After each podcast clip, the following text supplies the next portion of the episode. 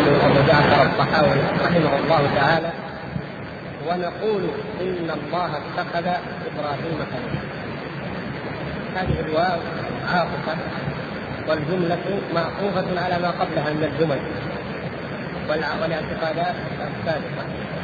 ونقول ما معنى ونقول هنا؟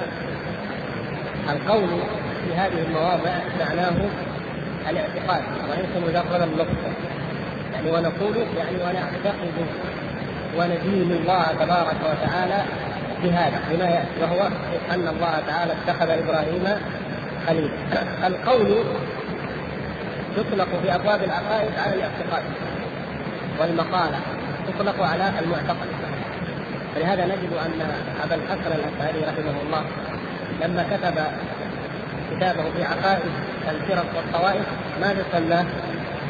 ها؟ مقالات الاسلاميين يعني الفرق الإسلامية. والآخر مقالات غير الإسلامية. مقاله يعني معنى معنى المقالة أي المعتقد في الحقيقة. معناه ما يقال أي ما يعتقد. وليس مجرد النطق باللسان وهذا أصلا مذهب أهل السنة والجماعة يؤيد ذلك وأن وهو ان الإيمان قول وعمل.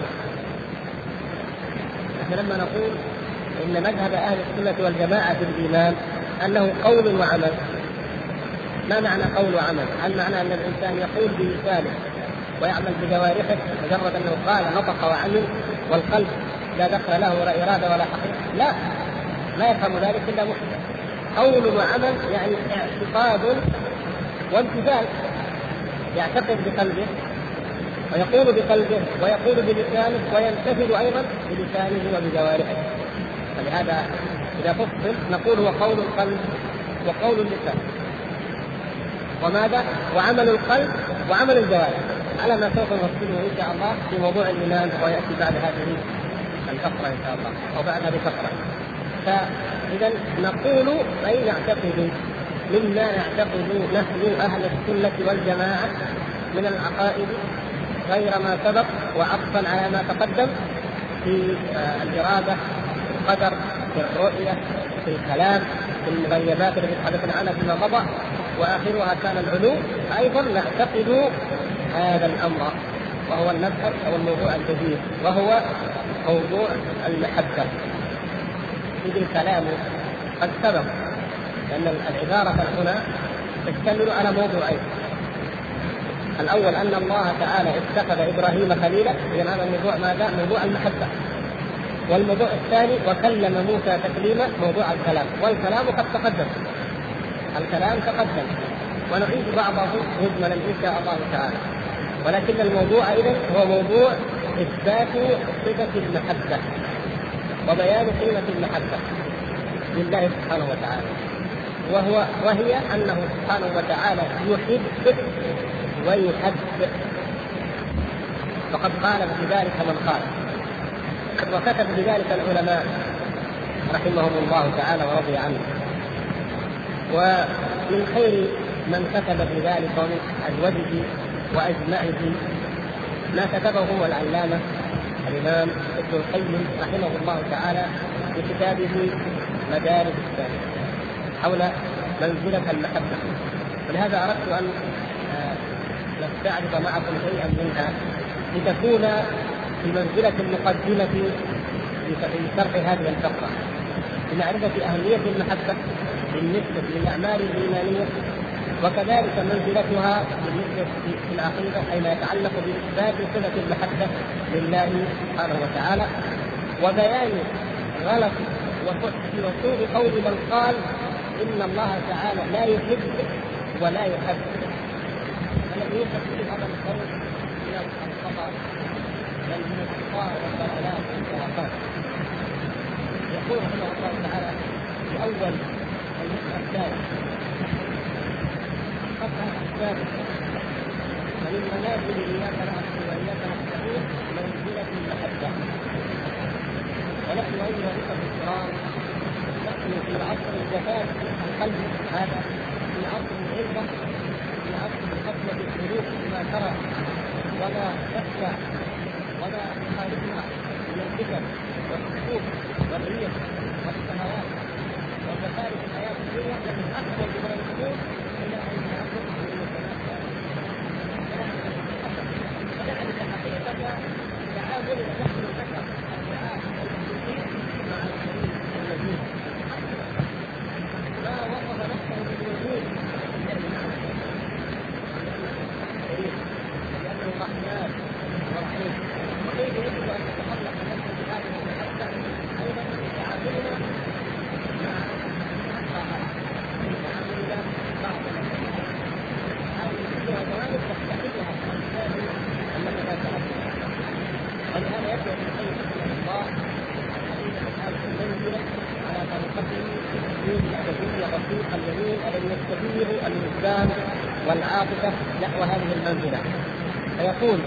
وهي المنزلة التي فيها تنافس المتنافسون وإليها سحق العاملون وإلى علمها ثمر السابقون وعليها تفانى المحبون وبروح نسيمها تروح العابدون.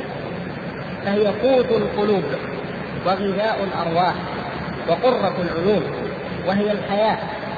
محبة الله تبارك وتعالى. هي الحياة التي من حرمها فهو من جملة الأموات. والنور الذي من فقده فهو في بحار الظلمات. والشفاء الذي من عدمه حلت بقلبه جميع الأسقام واللذة التي من لم يظفر بها فعيشه كله هموم وآلام.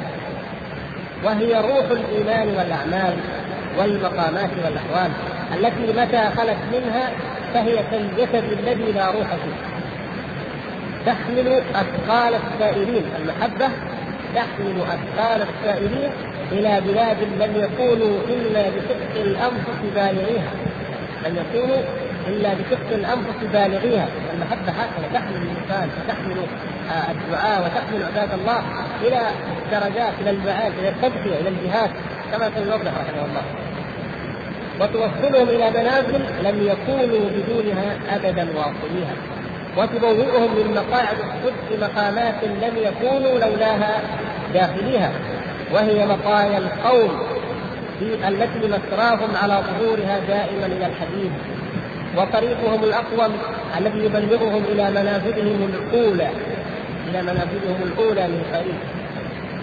لما نتهيأ على جنات عدن فإنها منازلك الأولى وفيها المقيم. المنازل الأولى حيث كان الإنسان حيث أراد الله تبارك وتعالى أن يجعل آدم لأول مرة في المنزل الأول هناك في جنات النعيم ثم كانت المعصية وكانت الحكمة وكان الابتلاء أن ينزل إلى هذا التراب. تالله لقد ذهب أهلها بترف الدنيا والآخرة إذ لهم من معية محبوبهم أوفر نصيب. وقد قضى الله يوم قدر مقادير الخلائق بمشيئته وحكمته البالغة أن المرء مع من أحب أيا لها من نعمة على المحبين سابغة تالله لقد سبق القوم السعاة وهم على ظهور الفرس نائمون. المحبون لله تعالى على الحقيقة سبقوا السائرين وهم على الفرس نائمون. كيف؟ يتضح هذا إن شاء الله. وقد تقدموا الركب بمراحل. وهم في سيرهم واقفون. من لي بمثل سيرك المذلل تمشي رويدا وتجري في الأول. هكذا هذا حال أصحاب القلوب المحبه لله ولطاعة الله سبحانه وتعالى حبا مقترنا بخشيته واجلاله والحياء منه عز وجل. هؤلاء هم الذين يمشون كما قال الشاعر من لي في مثل مسلك المذلل أو سيرك المذلل؟ تمشي رويدا في الأول كما قال في الفوائد رحمه الله يقول إن الصحابة الكرام لا سبقوا من بعدهم من كثرة الصلاة والقيام كثرة العمل بذاته لكن بالإيمان. فيقول يا عجبا لنوم الأشياء نومهم وفطرهم كيف سبقوا أو غلبوا قيام الحمقى وقيامهم؟ يعني كيف بالنسبة إلى كل من جاء بعدهم بالنسبة لهم فهو كالأحمق بالنسبة إلى الكير الصحابة رضي الله تعالى عنهم عرفوا كيف يمشون رويدا وينزلون بالأول. كيف الدرهم؟ يسبق ألف درهم. كيف التسبيحة الواحدة؟ تزن بعبادات من عبادات من بعدهم. كيف؟ لأنهم فتح الله تعالى لهم هذا الينبوع العظيم من محبته وإجلاله. واستشعار العبودية الحقة له تبارك وتعالى. فبذلك فازوا وإلا جاء من التابعين من يقوم ومن يقرأ أكثر منه مجرد كثرة. لكن أين الثرى من الثريا. وكل على خير لا شك. لكن أولئك السابقون لو أنفق من بعدهم مثل أحد ما بلغ مد أحدهم ولا إلى أن يقول رحمه الله لما كثر المدعون للمحبة طولبوا بإقامة البينة على صحة الدعوة. دعوة المحبة. كل يدعيها حتى البراهمة. واليهوديون والنصارى يقولون نحن من محبة الله يحب الله ولذلك يضحي بالأموال والأولاد والزوجات ويعيشون في الغابات العراة الهائمين تقول المحبة الاتحاد بالبرهمة أو الإله. ليتحدوا به لتتصل أرواحهم به كما يزعمون عياذا بالله أو كما كل له طريقته في ذلك. فالدعوه كثرت الدعوة كثيرة دعوه المحبة. وكل إنسان يدعي أنه يحب الله. وكل إنسان يقول أحب واحد لي رسول الله صلى الله عليه وسلم. الدعاوى كثيرة. يقول لما كثر المدعون للمحبة طولبوا بإقامة البينة على صحة الدعوة فلو يعطى الناس بدعواهم لادعى الخلي حرقة الشديد. الله. لو لو أعطي الناس بدعواهم لادعى الخلي حرقة الشديد لأنه مثلا العرب تقول ويل للخلي من السجن. يعني واحد مهموم محسوس متأثر يجي واحد مبسوط. ويل لهذا ينادى هذا يتكلم بوادي وهذا بوادي. هذا يجيب كلام وأمثال. وهذاك محترق محترق كما لاحظتم وتحدثنا في الدرس الماضي يعني اناس يهمهم أمر أمر هذا الدين والدعوة إلى الله والأمر بالمعروف والنهي عن المنكر ويحترقون مما يرون من من الوصائل التي تعيشها الامه الإسلامية الآن. واحد يقول لك مثلا ليش في لندن المطربين العرب ما لهم وجود؟ والفلانية هذه مريضة متى تخرج من المستشفى؟ وفلانة وين وين ويل للسبيل من الخليل فيقول رحمه الله يقول لو يعطى الناس بدعواهم أو بدعواهم لادعى الخليل فرقة. يعني كما أننا في في جانب الأحكام والقضاء لو لو يعطى الناس بدعواهم لادعى قوم اموال قوم وحقوقهم أكلوها. لكن لابد من البينات. فما البينة؟ في باب الإيمانيات والعبادة. ما البينة؟ قال فتنوع المدعون في الشهود. كل واحد جاب شهود. فقيل قيل لهؤلاء لما جاءوا بشهود كل مدعي جاب شهود. فقيل لا تقبل هذه الدعوة إلا ببينة إيه؟ بينة واحدة. بينة واحدة تقبل بها دعوة محبة الله تبارك وتعالى وهي قل إن كنتم تحبون الله فاتبعوني يحببكم. هذه بغير هذه البينة الدعوة باطلة. قد يدعي من شاء ما شاء. لا نقبل دعواه إلا بالاتباع لمحمد صلى الله عليه وسلم. قل إن كنتم تحبون الله إن زعمتم ذلك وكل من بعث به صلى الله عليه وسلم يدعون ذلك. ما حد يقول نكره الله. قريش نعظم بيت الله ونطعم ضيوف الله ونقضي ضيوف الله الحجاج ونفعل ببيت الله وبأهل الله ونحن في حرم الله. واللي فيهم إلى الله كأنهم يتعلقون بمحبه الله. والنصارى واليهود. فقالت اليهود والنصارى نحن أبناء الله وأحباؤه. دعاوى كثيره لكن قل ان كنتم تحبون الله؟ فاتبعوني يحببكم الله. أنتم في بعد ذلك يحببكم الله. يعني لا تكون النتيجه انكم صادقون في المحبة فقط بل تكون النتيجه أن الله تعالى يحبكم. فتكون من الطرفين أنكم أحببتموه فأحبكم. بماذا؟ باتباعكم له لمحمد صلى الله عليه وسلم. قال فتأخر الخلق كله كلهم. انظر كيف التصوير رحمه الله. يصور القضية كذا فتأخر الخلق كلهم. وثبت أتباع الحديث. صلى الله عليه وسلم لما كانت البينة الاتباع تأخر. يثبت في هذا البوذيون النصارى اليهود المشركون إذا ما عندهم بينه فتاثر القوم كلهم فثبت اتباع الحديث في افعاله واقواله واخلاقه نحن اتباعه صلى الله عليه وسلم قال فقوله بعدالة بينة. الرسول تصورها كانها محكمة. قال من بديع أدبه رحمه الله ومغفرته للمسجديه والأدبية والتقليدية. فيقول فطولبوا هؤلاء الشهود لابد من تزكيتهم لتعرف عدالتهم. هذه البينة. بعدالة البينه لتزكية يجاهدون في سبيل الله ولا يخافون لومة لائم يا أيها الذين آمنوا يعني إلى هذه الآية؟ يا أيها الذين آمنوا من يرتد منكم عن دينه فسوف يأتي الله بقوم ما صفتهم يحبهم ويحبونه. هذه أول صفة. والثانية أذلة على المؤمنين أعزة على الكافرين. والثالثة هذه يجاهدون في سبيل الله ولا يخافون لومة لائم هذه هذه الصفات فإذا فالمحبة ودعوى الاتباع وهؤلاء أتباع الحديث صلى الله عليه وسلم اتبعه كثير وجاءوا بهذه البينة بيد الاتباع لكن تزكية هذا الاتباع كيف؟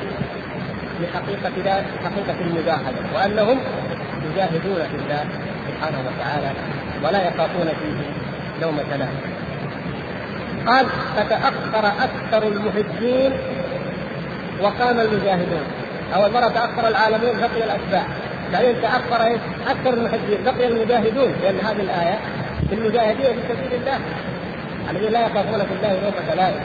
الجهاد بمعناه العام الذي منه الجهاد بالسيف جهاد الكفار بالسيف ومنهم الجهاد الكبير جهاد جهاد الدعوة وجاهدهم به جهادا كبيرا وهؤلاء المجاهدون القائمون بأمر الله الواردون لدعوة رسول الله صلى الله عليه وسلم قال فتأخر أكثر المحبين وقام المجاهدون. فقيل لهم إن نفوس المحبين وأموالهم ليست لهم. شفت كيف؟ نفوس المحبين وأموالهم ليست لهم. وانما لمن يحبون. كانوا صادقين. على الحقيقة في الحب. فلهذا قيل لهم فهلموا أيها المجاهدون إلى بيعة. إن الله اشترى من المؤمنين انفسهم وأموالهم بان لهم الجنة. يقاتلون في سبيل الله فيقتلون ويقتلون. إذا هذه إن كنتم فعلا مجاهدين. سبحانه وتعالى. لكن الجهميه يعممون فقالوا لا يحب ولا يحب. الجهمية قالوا لا يحب ولا يحب مطلقا. فهم عكس الصوفية في ذلك قال ولم يمكنهم تكذيب النفوس طيب أن الله تعالى ذكر ذلك. كم من آيات وأحاديث فيها المحبة؟ كيف يكذبونها؟ لجأوا إلى الباب. الذي يدخل منه كل كاذب ومستمع على هذا الدين؟ نأولها كلها يحب ما يحبون نأولها قل إن كنتم تحبون الله فاتبعوني يحببكم الله. نأولها مثلا. فقالت اليهود من نصر نحن ابناء الله واحباء قل فلم يعذبكم بذنوبكم أيوه إذا نفس باب التاويل وهكذا. كيف قال أول نصوص محبة العباد له على محبة طاعته وعبادته. قالوا إيه؟ معنى أن العباد يحبون الله يعني يحبون طاعة الله. ما يحبون الله بذاته. لا لا كيف؟ يعني يحبون طاعة الله. يحبون عبادة الله. يقول هذا التأويل البارد والازدياد من الأعمال لينالوا بها الثواب. وإن أطلقوا عليهم بها لفظ المحبة فلما ينالون به من الثواب؟ والأجر.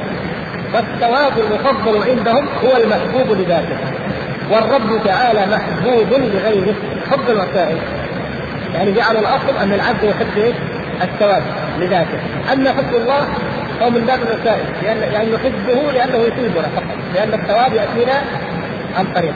المحبة هي ليست لله بل للثواب، نسأل الله العافية.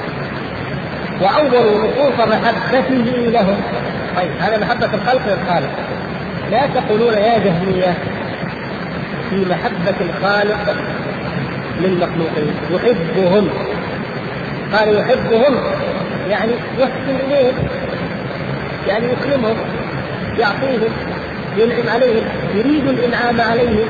تأويلات كثيرة ذكر بعضها هنا قال بإحسانه إليهم وإعطائهم الثواب وربما أولوها بثنائه عليهم ومجده لهم يحبهم يعني يثني عليهم ليش؟ قال المحبة هذه تصير القلب كذا ما يليق بالله طيب والثناء لماذا يليق الثناء بالله؟ سبحان الله إيش الفرق؟ قال وربما أولوها بإرادته لذلك إرادة الإنعام كما يقول بعض المتأخرين لعل نأتي لهم إن شاء الله فيما بعد يقول محبة الله له إرادة الإنعام. سبحان الله هذا هو طيب وليه؟ قالوا المحبة فيها تكبير تمكين طيب والإرادة؟ إيش الفرق بين إثبات المحبة وإثبات الإرادة؟ إن كان في هذه تكبير في هذه وإن كان في هذه تجسيم ففي هذه تجسيم فلماذا تؤولون المحبة بإرادة الإنعام والغضب بإرادة الانتقام كما تشاهدون في كتب التفسير غير السنية. وهي كثيرة مع الأسف. تأول ذلك بذلك. يقول رحمه الله وجمع طرق الأدلة عقلا ونقلا وفطرة وقياسا واعتبارا وذوقا ووجدا تدل على إثبات محبة العبد لربه والرب لعبده. وقد ذكرنا لذلك قريبا من مئة طريق ابن القيم رحمه الله يقول أنا جبت مئة دليل على إثبات المحبة. من العباد لله ومن الله العباد في كتابنا الكبير في المحبة. كتابنا الكبير في هو؟ إيش هو الكتاب الكبير؟ ها؟ كتابنا يعني الذي ألفه هو في المحبة. أيوة روضة المحبين. في روضة المحبين. وأيضا ذكر شيء من ذلك في حال الأرواح ومعظم كتبه حول هذا. قال وقد ذكرنا فيه فوائد المحبة. إلى آخره. إلى أن يقول وأن المنكرين للمحبة المنكرين لذلك قد أنكروا خاصة الخلق والأمر والغاية التي وجدوا لأجلها. من أنكر محبة الله فقد أنكر خاصة الأمر والنهي والغاية التي أنكر التي وجد لأجلها. فإن الخلق والأمر والثواب والعقاب إنما نشأ عن المحبة ولأجلها. وهي الحق الذي به خلقت السماوات والأرض. وهي الحق الذي تضمنه الأمر والنهي وهي سر التأليف وتوحيدها وشهادة أن لا إله إلا الله. لأنه ليه؟ سنشرح إن شاء الله مراتب المحبة. وقد شرحناها فيما مضى لكن نريدها لما نأخذ مراتب المحبة لما أقول أنا عبد لله كل مسلم يقول أنا عبد لله. العبودية ما هي إلا مرتبة من مراتب المحبة. وأعلى من درجة العبودية ما هي وهي من العبودية على كل حال لكن لأنها درجة أعلى درجة الخلة. التي هي موضوع هذه الفقرة في الكتاب. إن الله اتخذ إبراهيم خليلا. إذا مراتب المحبة مما يبين ويدل على أن الخلق والأمر والنهي والحكمة من خلق الثقلين ومن ابتلائهم ترجع إلى ذلك. فمن أنكره فقد أنكر أمرا عظيما. وأنكر الدين كله. لأن العبودية العبودية هي درجة من حقيقة من درجات المحبة. هي تتضمن وتقتضي محبته سبحانه وتعالى. إثبات المحبة من الطرفين أنه يحب وأنه يحب.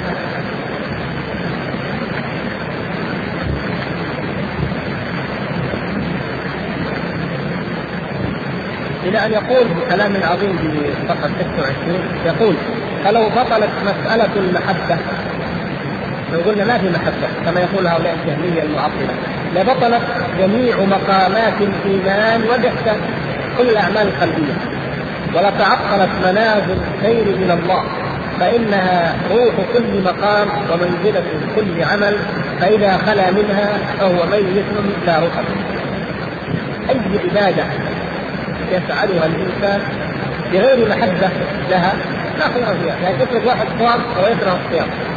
صلى وهو يكره الصلاة. يقول أشهد أن لا إله إلا الله أنا من أهل التوحيد وهو يكره التوحيد. هذا آمن؟ هذا ما آمن.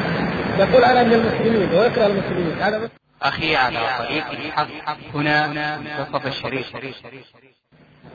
كان مؤمنا في في أعماله وفي أقواله. أصل جميع الأقوال الصدق والتصديق يعني التصديق بها الاعتقادات جميعا والأقوال جميعا أصلها إيه؟ الصدق في في اعتقادها أي التصديق بها. وأصل جميع الأعمال التي يفعلها الإنسان المحبة. فالصدق هو أساس جميع الأقوال والمحبة أساس جميع الأعمال. فإذا صدق العبد في طاعته وأحب الله سبحانه وتعالى فيها في إيمانه كمل إيمانه بإذن الله. بقية الأمور تندرج تحتها. الإخلاص منها اليقين هو جزء من الصدق مثلا. وكذلك الرغبة والرهبة والإنابة كلها تندرج تحت الأقوال والأعمال التي أصلها الصدق في الأقوال والحب في الأعمال. ولهذا يقول؟ المحبة حقيقة العبودية. وهل تمكن الإنابة بدون المحبة والرضا والحمد والشكر والخوف والرجاء؟ وهل الصبر وهل الصبر في الحقيقة إلا صبر المحبين؟ الله الصبر. يعني بعض الناس يقولون الصبر وأعلى الدرجات. ولا شك أن الله تعالى أثنى على الصبر والصابرين. إنما يوفى الصابرون أجرهم بغير يعني الصبر الذي صاحبه يوفى أجره كاملا لأنه محتسب صابر على كل ما ينال أما غيره فبقله صبره ينقص من اجله مثلا رغم ما ورد في الصبر لكن في الحقيقة الصبر صبر المحبين لو لم يحب الله هل يصبرون على ما ينالهم؟ انظروا إلى الصحابة رضي الله تعالى عنهم، هل كانوا يصبرون على ما ما ابتلوا به لولا محبتهم لله سبحانه وتعالى ما عند الله؟ هذه المحبه انستهم كل ما يؤذون به، اذا الصبر في الحقيقة صبر المحبين. والتوكل فإنه إنما يتوكل على المحبوب في حصول محابه ومراضيه. وكذلك الزهد وفي الحقيقة زهد المحبين. الزهد زهد المحبين. لماذا؟ فإنهم يزهدون في محبة ما سوى محبوبهم. لمحبته واحد إنسان يحب الله يحب الجنة يحب الآخرة. إذا يزهد بالدنيا إيش هي ما هذه بالنسبة إلى ما يحب إلى ما قلبه معلق به. الذي يزهد بالدنيا وفي الحقيقة الزهد هو زهد المحبين. إذا لا نقول إن الزهد أعلى من المحبة أو أنه لا علاقة بينهما. الزهد زهد المحبين. طيب. وكذلك الحياء. بعض الناس يقول الحياء فضله عظيم وأجره كبير. نقول نعم. ولكن أيضا له علاقة في اصل الأعمال هذه. فهو إيش؟ يقول وكذلك الحياء في الحقيقة إنما هو حياء المحبين. ولهذا الواحد لا يشعر بالحياء حتى في الدنيا إلا مع من يحب. لكن ليس محبة مجردة محبة مقترنة بالتعظيم والاجلال فإذا اقترنت المحبة مع التعظيم والاجلال نشأ الحياء نعم. يقول فإنه يتولد من بين الحب والتعظيم. وأما ما لا يكون عن محبة فذلك خوف محبة. إيش الفرق بين الخوف وبين الحياء؟ إلا المحبة. إن كان من إنسان تحبه أنت فأنت تعتبر مستحيا هذا حياء لكن لو كان ممن تكرهه نقول مثلا بالخلق والمقصود أيضا هو الخالق سبحانه وتعالى. فإذا كان فإذا كنت لا تحبه. فلا يسمى حياء منه وإنما خوف. ما تريد أن يطلع على شيء. هذا خوف. لأنك ما تحبه. لكن إذا كنت تحبه ولا تريد أن يطلع منك على عيب فهذا إيش؟ والله حياء. استحيت منه أن يراني. لكن لا تحبه تقول إيش؟ خفت لا يراني. اخفت إذا هكذا إذا الفرق بين الحياء وبين الخوف المحض هو المحبة. وكذلك مقام الفقر أو الافتقار.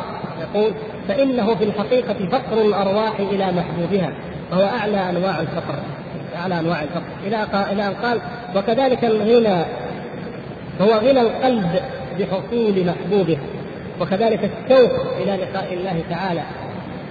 الشوق إلى لقاء الله الذي ندعو الله ونسأله سبحانه وتعالى أن يبلغنا ذلك يجعلنا من يشتاقون إلى لقائه. ما أصل الشوق؟ المحبة. من محبته يشتاق المؤمنون إلى لقائه.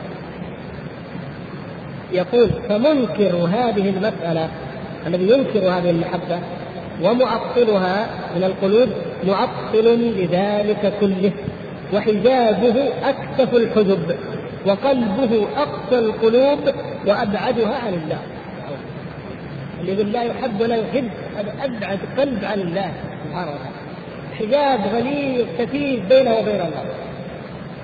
كيف؟ إذا بما يأنف المؤمنون. إلا بمحبتهم لله سبحانه وتعالى ومحبتهم للمؤمنين. يقول وهو منكر. وهذا حال الجهمية ومن اتبعهم.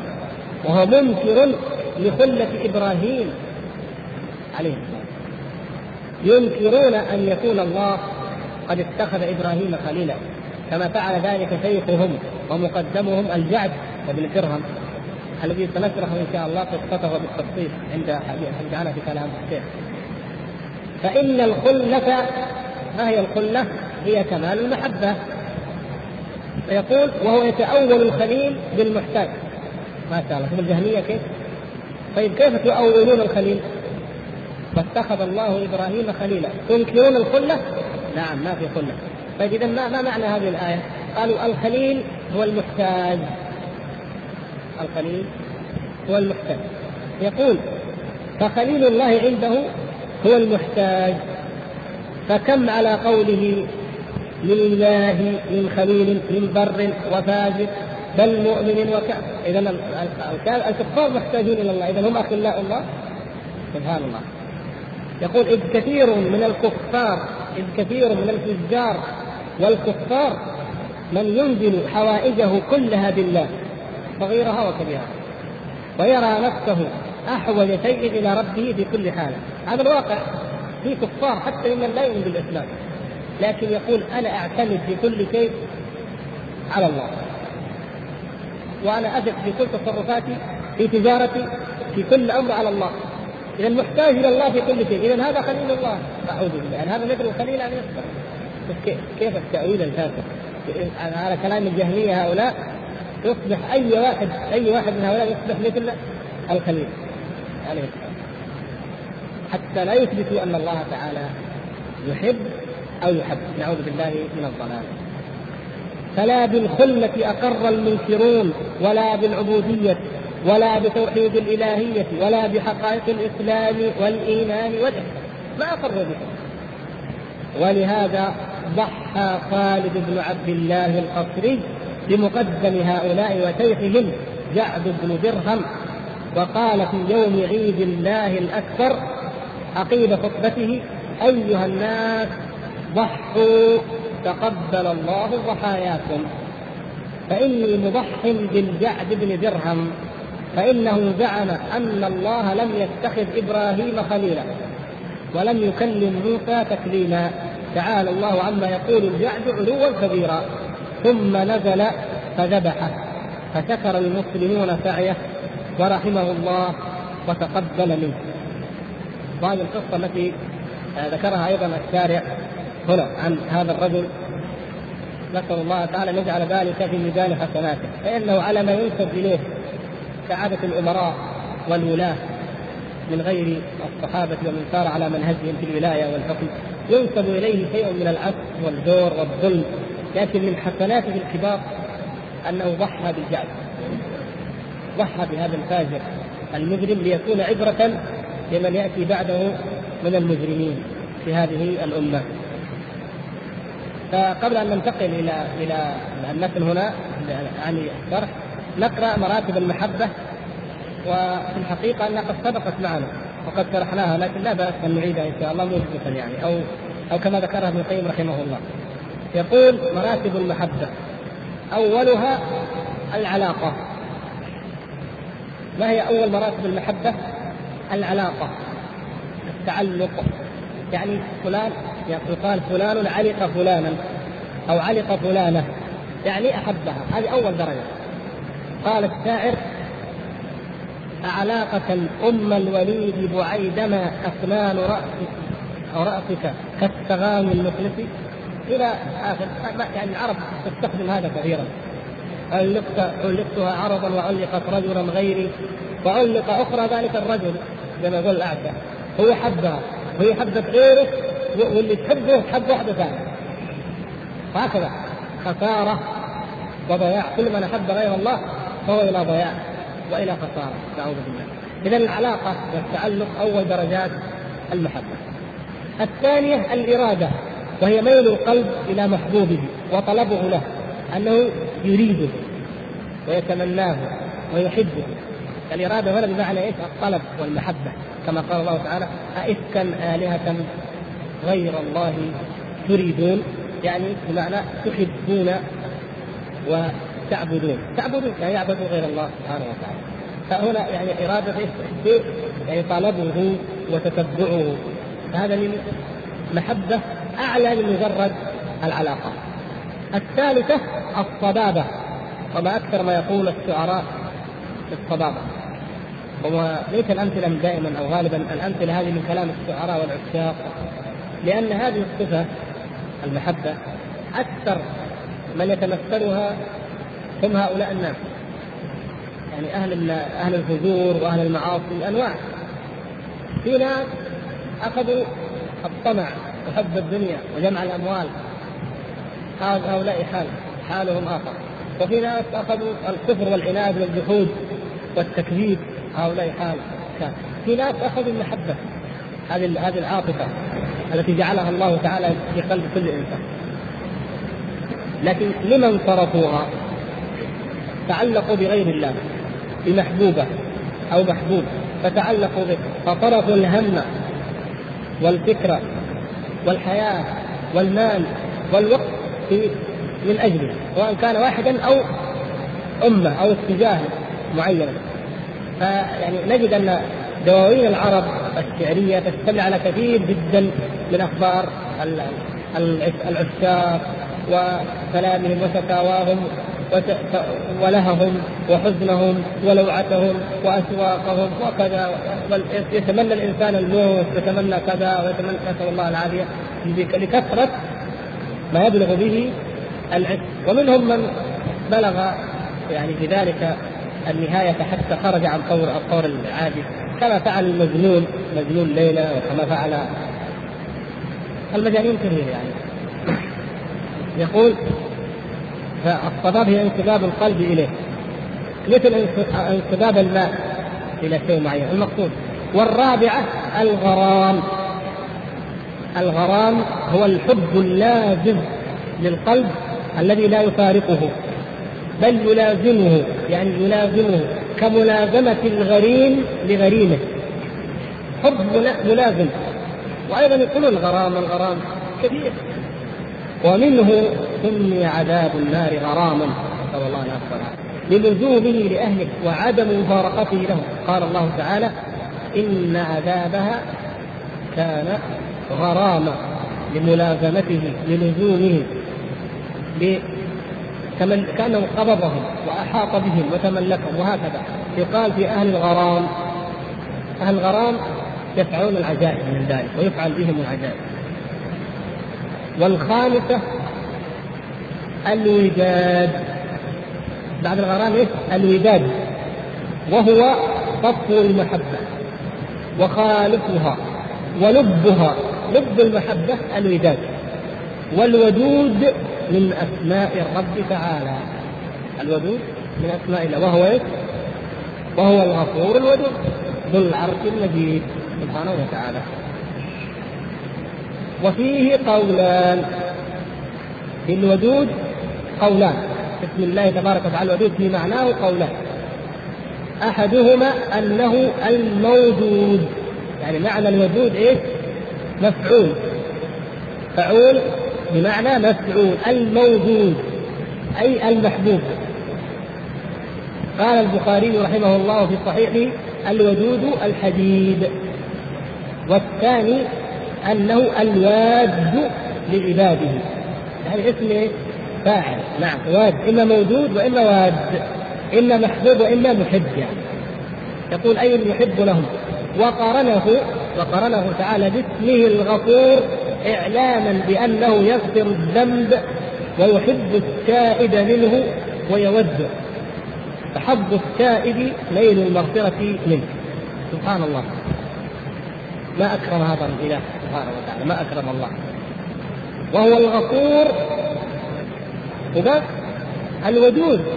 يعني لا, لا يغفر فقط بل يود ويفرح إذا تاب عبده.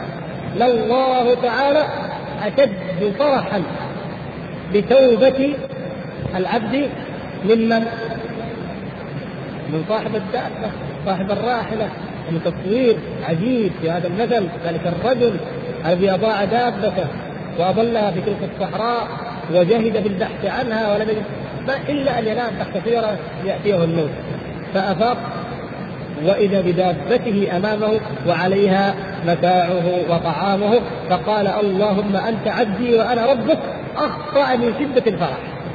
الله الغني الحميد سبحانه وتعالى أفرح بتوبة العبد إذا تاب من فرح هذا بذاته ومع ذلك يتجرؤون على معاصي الله ويستمرون فيها ويقال لهم اتقوا الله ولا يرعون.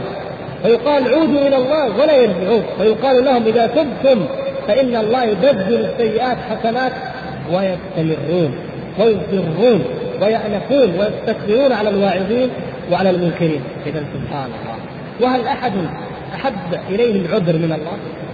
بعد لما إذا عذبهم الله بعد ذلك فقد أعذر منهم وأعذر إليهم فلا حجة لأحد بعد ذلك في أن يقول لله لم عذبتني يا رب؟ لا. قد قد اقيمت عليهم الحجة وجاءهم النذير وأعذروا. قال أو أعذر إليهم. قال السادسة بعد الوداد مرتبة الشغف. الشغف. يعني هذه التي جاءت في القرآن. فين؟ أيوة. قد شغفها حبا. يقال شغف بكذا فهو مشغوف به. وقد شغفه المحبوب أي وصل حبه إلى شغاف القلب. الشغاف يعني أعماق الفؤاد. كما قال النسبة عن امرأة العزيز قد شغفها حبا وفيه ثلاثة أقوال. في الشغاف ثلاثة أقوال. أحدها أنه الحب المستولي على القلب بحيث يحجبه عن غيره. قال الكلبي حجب حبه قلبها حتى لا تعقل سواه قد شغفها حبا تملك النسوة النسوة هم نفسهم يحببن شركاء في الإثم. لكن من السخرية ومن التأييد. هذه قد شغفها حبا. امرأة العزيز تراود فتاها عن نفسه. قد شغفها حبا. يعني ملك عليها قلبها وعقلها استهزاء وسخرية بها. ولهذا أرادت أن تغيظهن. لا تقول ليس كما تزعمن. هذا شيء آخر. ليس كما تظنون تظنون أنتن تحببن الرجل لصفة أو لمعنى من المعاني فيه. هذا شيء آخر تماما. يعني وجاءت بالدليل العملي. لا بالدليل النظري بل بالدليل العملي. لما أعدت لهن المتكى وآتت كل واحدة منهن سكينا وقالت تخرج عليهن. عليهن. فلما رأينه أكبرنه فقطعنا أيديهم. شيء شيء وقلنا حاشا لله ما هذا ملك ما هذا بشر إن هذا إلا ملك كريم. يعني رأينا ما لم يكن في الحسبان فعندما عيرناها ماذا قلنا؟ قد شغفها حبا. سبحان الله. يعني كيف كيف يصل الأمر إلى أنه إلى هذا الحد؟ أنه يعني محبته في قلبها تصل إلى شغاف القلب إلى غايته إلا لجهلها وحمقها وقلة إخلاصها لزوجها إلى آخر يعني ما أردنا أن يقولنا فجاءت في هذا المقام. فإذا الشغف هو إيش؟ الحب المستولي على القلب كما قال الكلبي. يعني كلها في بعض المعاني. أو أنه الحب الواصل إلى داخل القلب. قال صاحب هذا القول المعنى أحبته حتى دخل حبه بغاف قلبها داخله أعماقه. والثالث أنه شغفها بمعنى الحب الذي وصل إلى غشاء القلب. والشغاف غشاء القلب إذا وصل الحب إليه باشر القلب. قال السدي الشغاف جلدة رقيقة على القلب. يقولون دخله أو يقال دخله الحب حتى أصاب القلب. إلى آخره. وقرأ بعض السلف شعفها قد شعفها حبا. قراءة لكن ليست بالمتواتر. قد شعفها حبا. ما معنى شعفها؟ برضو كل قراءة لها تخريج قالوا ذهب الحب بها كل مذهب. لأن الشعف هو إيش؟ هو القمم والأطراف. وهو رؤوس الجبال أو أطراف الأرض قال ليس الشعف شعفها قد شعفها حبا قد ذهب حبه بها كل مذهب وبلغت في الحب طرفة ونهايته وغايته المقصود أن هذه درجة. الدرجة إيش؟ السادسه السابعة العشق العشق وهو الحب المفرط الذي يخاف على صاحبه منه. ولهذا يقال أخبار العشاق لأنه إذا وصل إذا وصلت المحبة إلى أن تكون عشقا فمعنى ذلك أصبح يخاف على صاحبه منه. هذه يعني درجة الجنون. من هنا تبدأ درجة الجنون عندهم. وعليه تأول إبراهيم ومحمد بن عبد الوهاب يعني بعض السلف ورد عنهم في قول الله تبارك وتعالى آه، ولا تحملنا ما لا طاقة لنا به. قالوا العشق يعني من جملة ما لا من جملة ما لا طاقة للإنسان به يعني من جملة ما يستعاذ بالله من إيه؟ العشق لو لو أصيب الإنسان بهذا المرض نعوذ بالله ينسى كل شيء. سبحان الله. يعني الإنسان يقال المجنون أو يقرأ على المجنون ليلة أو كذا لكن أحيانا في الواقع تجد نماذج قريبة من هذا التعجب تجد إنسان يتعلق بامرأة. لو اجتمعت الدنيا على أن تمنعه من زواجها أو تبين له من عيوبها أو رأى منها خلاص أعمى. لا يريد إلا هي. شيء عجيب التعلق ومن القصص في ذلك الثابته بريرة مولاه التي اعتقتها أم المؤمنين عائشة رضي الله تعالى عنها. فماذا كان يفعل زوجها؟ كان كما جاء في يتتبعها في سكك المدينة. هذا العشق يعني صارت تمشي وتتبعها من بعيد. يعني ما ملكت قلبه لا يريد أن هذه هذا مرض هذا ابتلاء. ولذلك يكون كما فعل بعض السلف. يكون مما يستعاد منه. نعوذ بالله. من هذه الحالة. إذا الإنسان إذا أحب فليحدث إيه؟ فليحب هونا ما. وإذا أبغى فليبغض هونا ما. شوية. لكن كما تشاهدون بعض الشباب إن أحب أي نوع من الواحد حب العشق أو حب يعني آه، زميلا أو صديقا أو شيخا أو كذا تعلق به شيء عجيب وربما عادت المحبة هذه الشديدة التعلق الشديد ربما عاد عداء من أبغض وأشد العداوات. لأنه لم يحب بأناه وإنما أفرط في ذلك وأفحش نسأل الله العافية. ورفع إلى ابن عباس رضي الله تعالى عنه شاب وهو يعرفه قد صار كالخلال رجل صار نحيفا جدا نحيلا جدا. فقال ما به؟ لما هذا النحس قالوا العشق هذا مجنون من المجانين. كمجنون ليلى من العشق أصبح هكذا كالعيدان فجعل ابن عباس رضي الله تعالى عنه عامة دعائه بعرفة الاستعاذة من العشق كيف؟ استعاذ منه لما رأى هذا المبتلى. رفع إليه في الحج ورآه فكان عامة دعائه يوم عرفة. أعوذ بالله من هذا العشق وفي اشتقاقه قولان يعني ما يهم اشتقاقه المهم أنه درجة عليا من درجات المحبة. الثامنة التتيم. التتيم. يقال تيمه تيمه الحب. أي ذلله الحب وعبده المتيم ويقال في في الحب تيمني أو تيمتني وما أكثر ما قالت العرب تيمني وتيمتني وأنا المتيم إلى هذا المقصود. وهو درجة من درجات المحبة. ومنه يقال تيم الله. تيم الله قبيلة. تيم الله بني تيم الله أو تيم الله يعني عبد الله. لأن التتيم هو؟ التعبد. لكن أقل التاسعة الدرجة التاسعة من درجات المحبة هي التعبد. وهو فوق التتيم فمن أحب محبوبا حتى صار عبدا له فهذا بلغ غاية المحبة غاية العبودية غاية الدرجة. ولهذا إن أحب الله كان عبدا لله. يسمع أوامره يطيعه يجتنب من نواهيه لأنه عبده. وإن أحب مخلوقا أصبح عبدا له. يأمره يأتمر ينهاه ينتهي لأنه عبده. بلغت به محبته هذا.